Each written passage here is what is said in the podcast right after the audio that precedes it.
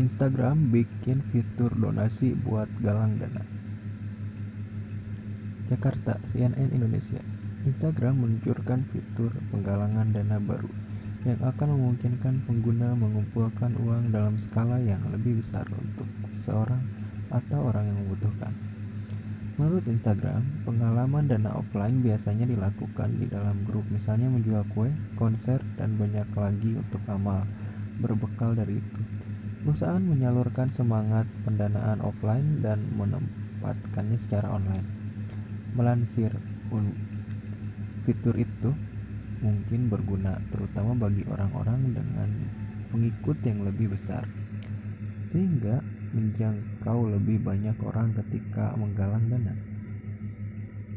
Selama ini sejumlah orang enggan ikut penggalangan dana harus mendaftar ke platform. Dengan fitur ini, hambatan itu menjadi hilang.